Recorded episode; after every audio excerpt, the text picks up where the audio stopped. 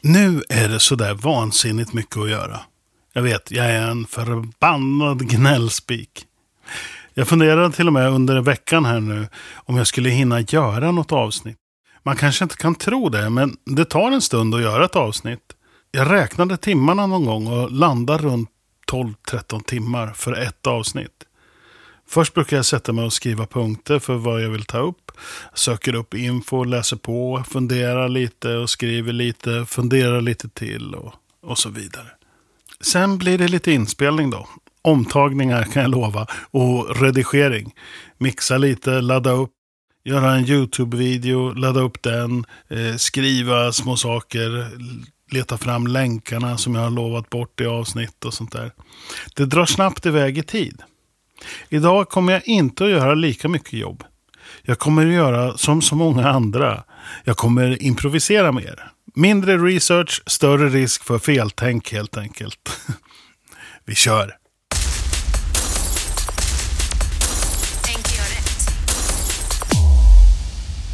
För några år sedan, fan vad tiden går.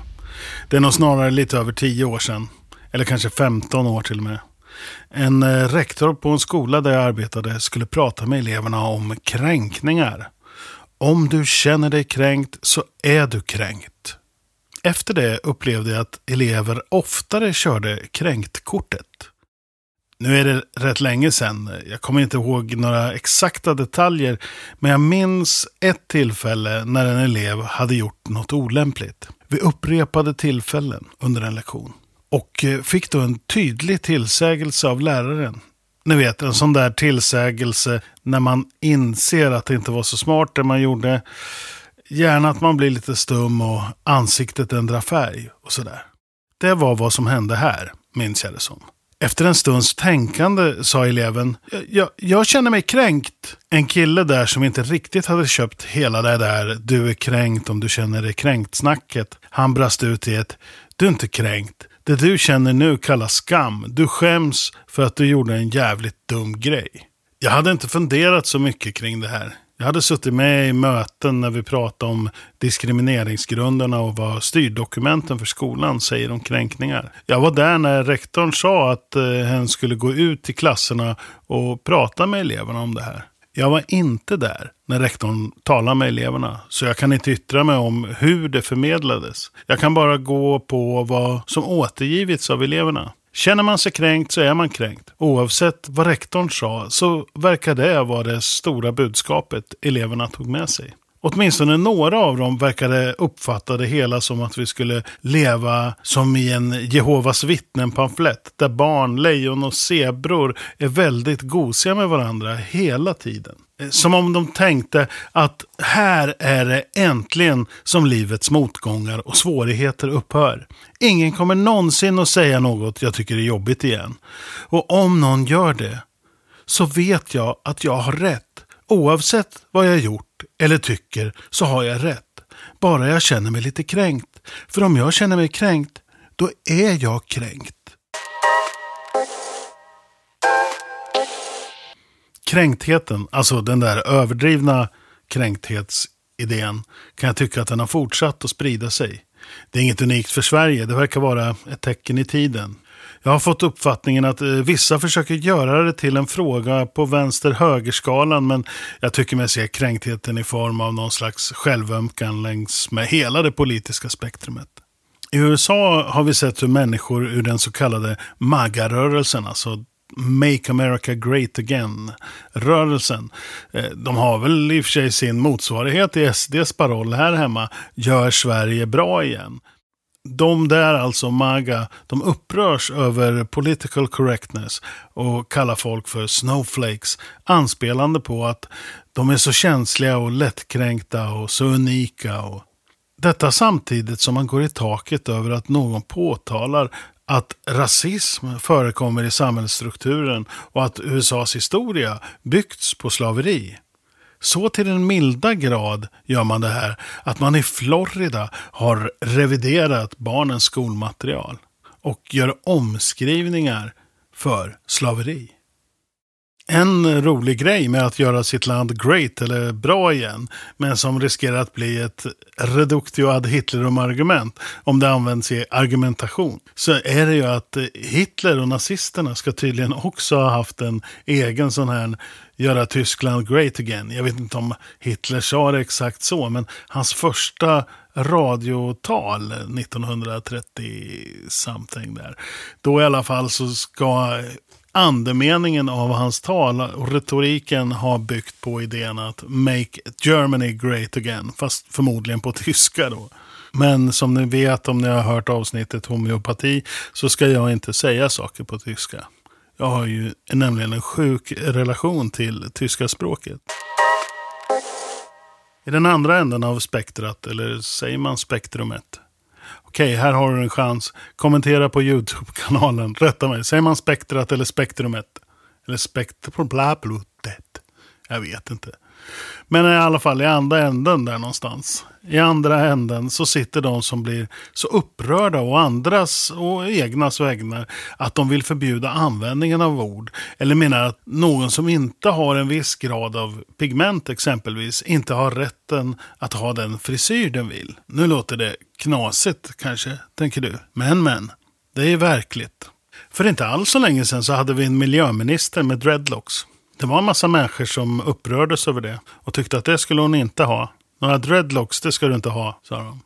Ännu mera nyligen så rasade folk mot Agnes Karlsson på grund av hennes fantastiska huvudbonad när hon eh, framträdde en sång i På spåret. Detta då man menade att den påminde om en afro.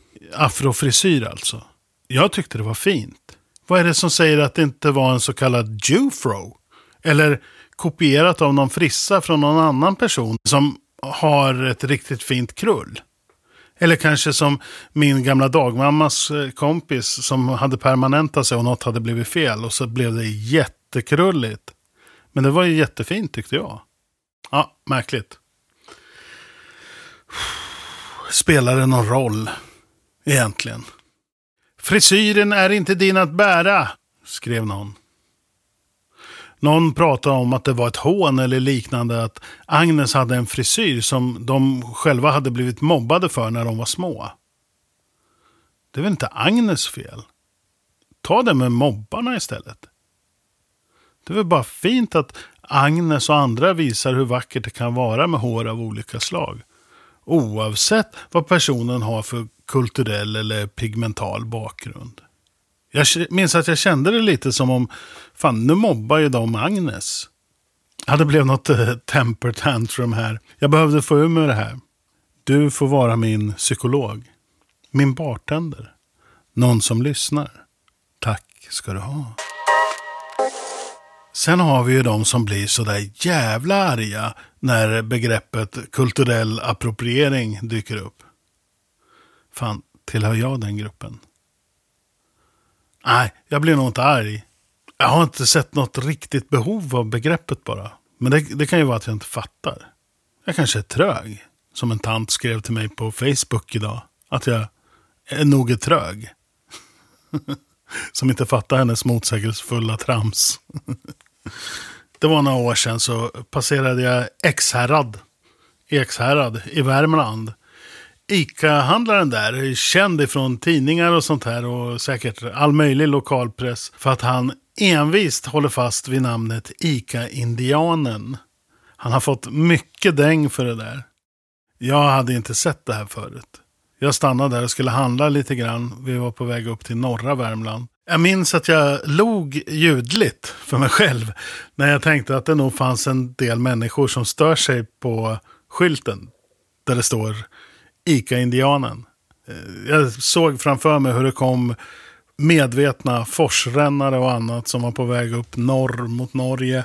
Skulle köra Klarälven ner eller något sånt här.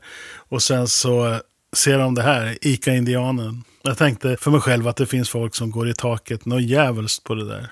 Jag tyckte det var lite roligt så jag tog en bild och la upp den i Facebook-flödet. I Facebook-flödet. Jag minns inte riktigt eh, vad jag skrev. Men någon gick i taket om kulturell appropriering. Alltså om att jag skulle varit så jävla PK och sånt där trams. För att jag roar mig åt att det var lite retro att använda ordet indianer för ursprungsbefolkningen i Nord och Sydamerika. För mig som har haft en fot i den amerikanska kulturen under några år så är det som om en ICA-handlare skulle hålla kvar vid namnet ICA-lappen. Kanske med någon bild av en same och en ren kopplat till samma känsla av olämplighet inför ICA-indianen känner jag. Detta med tanke på historia. Både där och här. Men också tyvärr vår samtid. Men det kanske bara är jag. Där och då i Ekshärad så blev jag lite ställd över att eh, det faktiskt nu för tiden finns en butik som heter ICA-indianen. Och jag tyckte det var lite lustigt. Sen tycker inte jag att man ska förbjuda användningen av vissa ord. Så. Men eh, ni som har följt den här podden och lyssnat på avsnittet eh, Negerbollar har kanske förstått att eh, jag tänker så. Vad är det för fel på oss människor? Kan man ju undra då.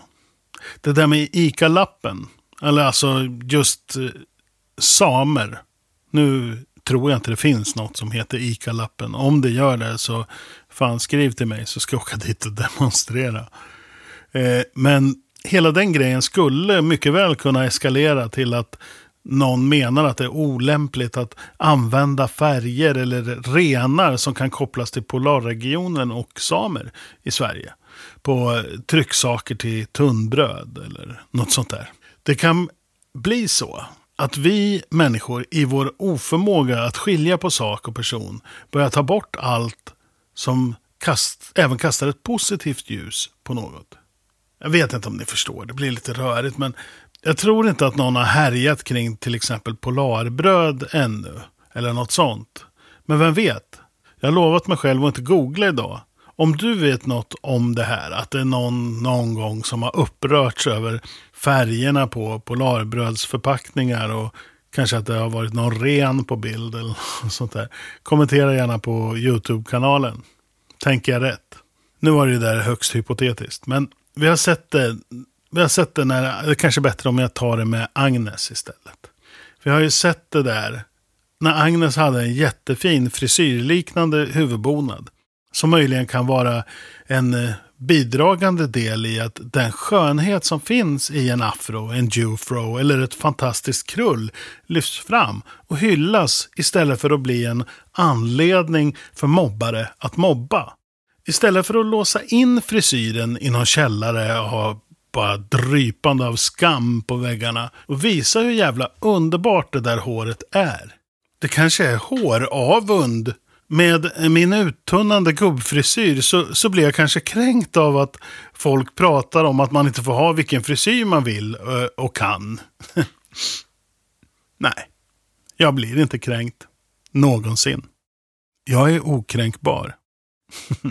Men eh, lite seriöst då. Vad är det för överfokus på skillnader mellan folk? Jag tror att om människor överlever i några hundratusen år sedan så kommer det folk kallar för raser eller folkslag möjligen att vara utraderade. Gränser kommer att ha ändrats och kulturer kommer blandas och inspireras av varandra. Det är en sån jävla icke-fråga det där, tänker jag.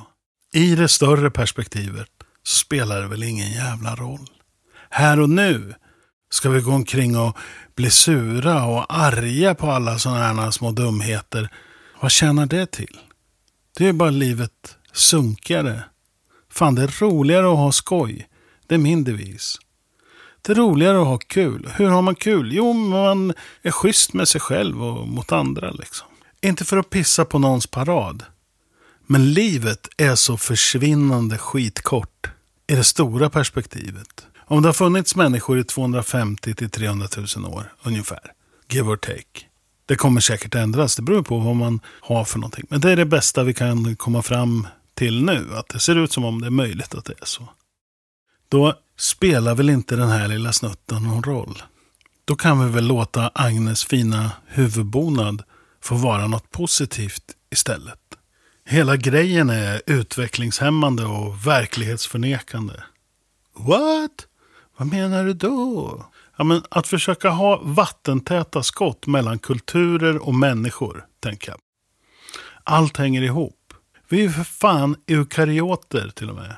Vi är släkt med träden i skogen. Vi är släkt med varenda grässtrå och insekt och inte minst med varandra.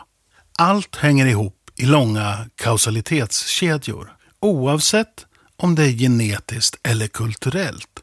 Allt bygger på något som var innan. Kolla på religion. Nu tar jag det för att jag är väldigt intresserad av religion. Det har ni förstått. Islam bygger på kristendom och judendom. Kristendomen bygger också på judendomen. Det är liksom så här dåliga kopior på någonting som var innan. Och judendomen, den bygger ju bland annat på zoroastrianism. Skitsvårt ord att säga kan jag säga dessutom. Ta den musiken som vi lyssnar på, som de flesta lyssnar på idag. Typ alla musikstilar inom de populärmusikaliska genrerna har samma ursprung. Och det ursprunget är från alltså musikstilar som utvecklats i USA. Och som bygger till en ganska stor del på den musiken som har förts ner genom generationer på plantager bland afrikanska slavar i USA. Det är den musiken som finns överallt. Så om vi ska snacka kulturell appropriering så kan man väl ta Elvis Presley, kulturellt approprierade bluesmusiken. Men vad hände då? Ja, fler fick upp ögonen för den. Rolling Stones, The Beatles, kulturellt approprierade bluesmusiken. Vad hände då? Jo, eh, Rolling Stones, de hade som krav att ha med eh, Howlin' Wolf i tv. Det var ju, de i USA levde ju någon slags så här idé om race music. Där afroamerikanska popartister inte ens fick kallas för popartister utan de kallade dem för R&B istället bara för att de hade mörkare hud. Förändring kommer av att människor gör saker positivt.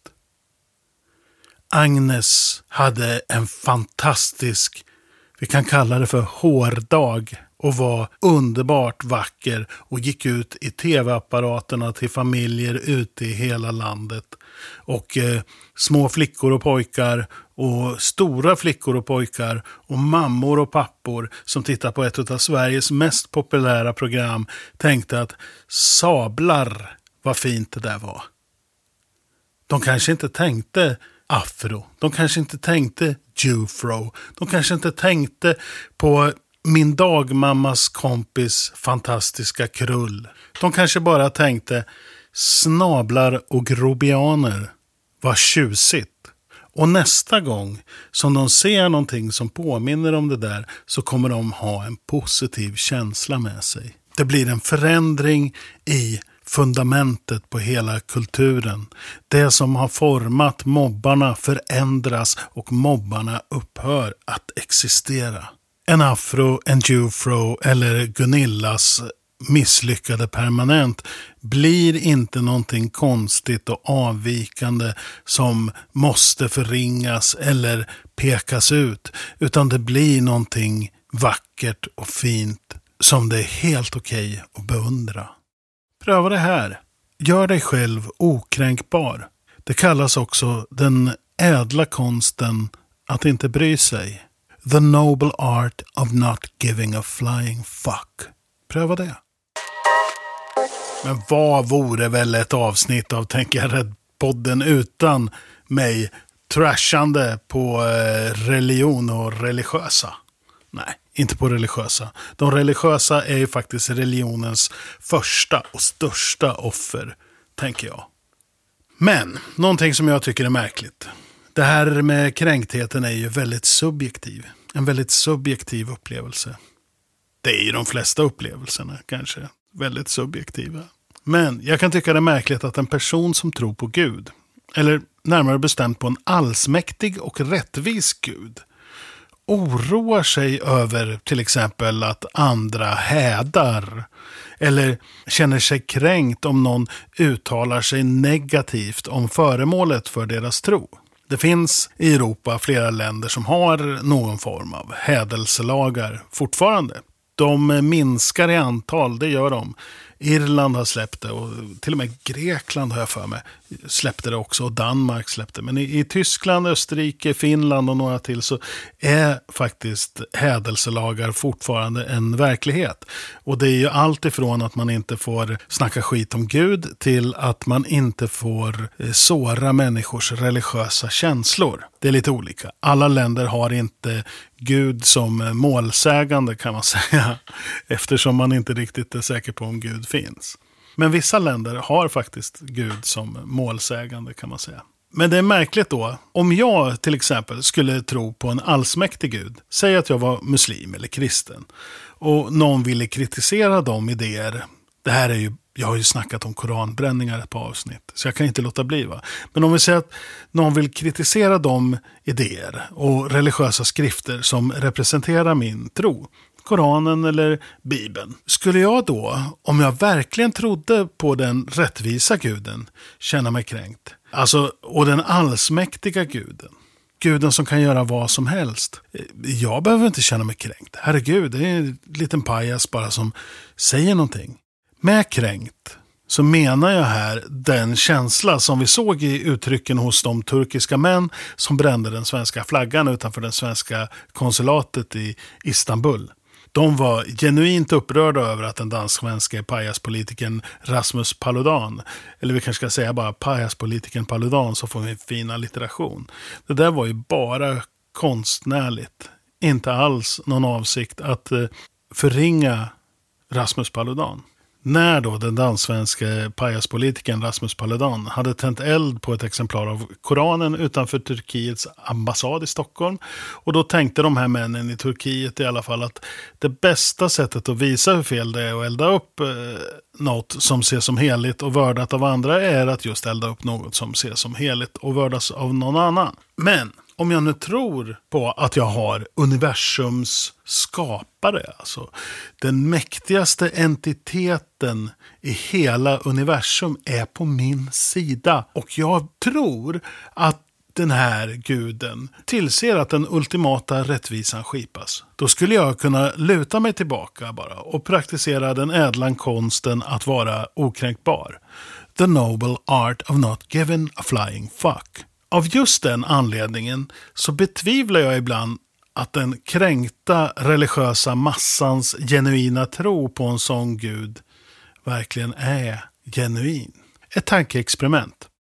Eh, om du, en liten obetydlig insekt, alltså en liten människa i detta gigantiska universum och i jämförelse då med den allsmäktige guden, känner att du måste bli kränkt å den allsmäktige gudens vägnar. Vad säger det om din tilltro till den allsmäktige guden? Behöver en allsmäktig gud som har skapat det här enorma universumet, som har skapat allting, behöver den ha din hjälp att känna sig kränkt? Om jag vore Gud så skulle jag fan skicka en blixt i skallen på det då. För din hybris. ja. Om det nu är så att det finns en gud.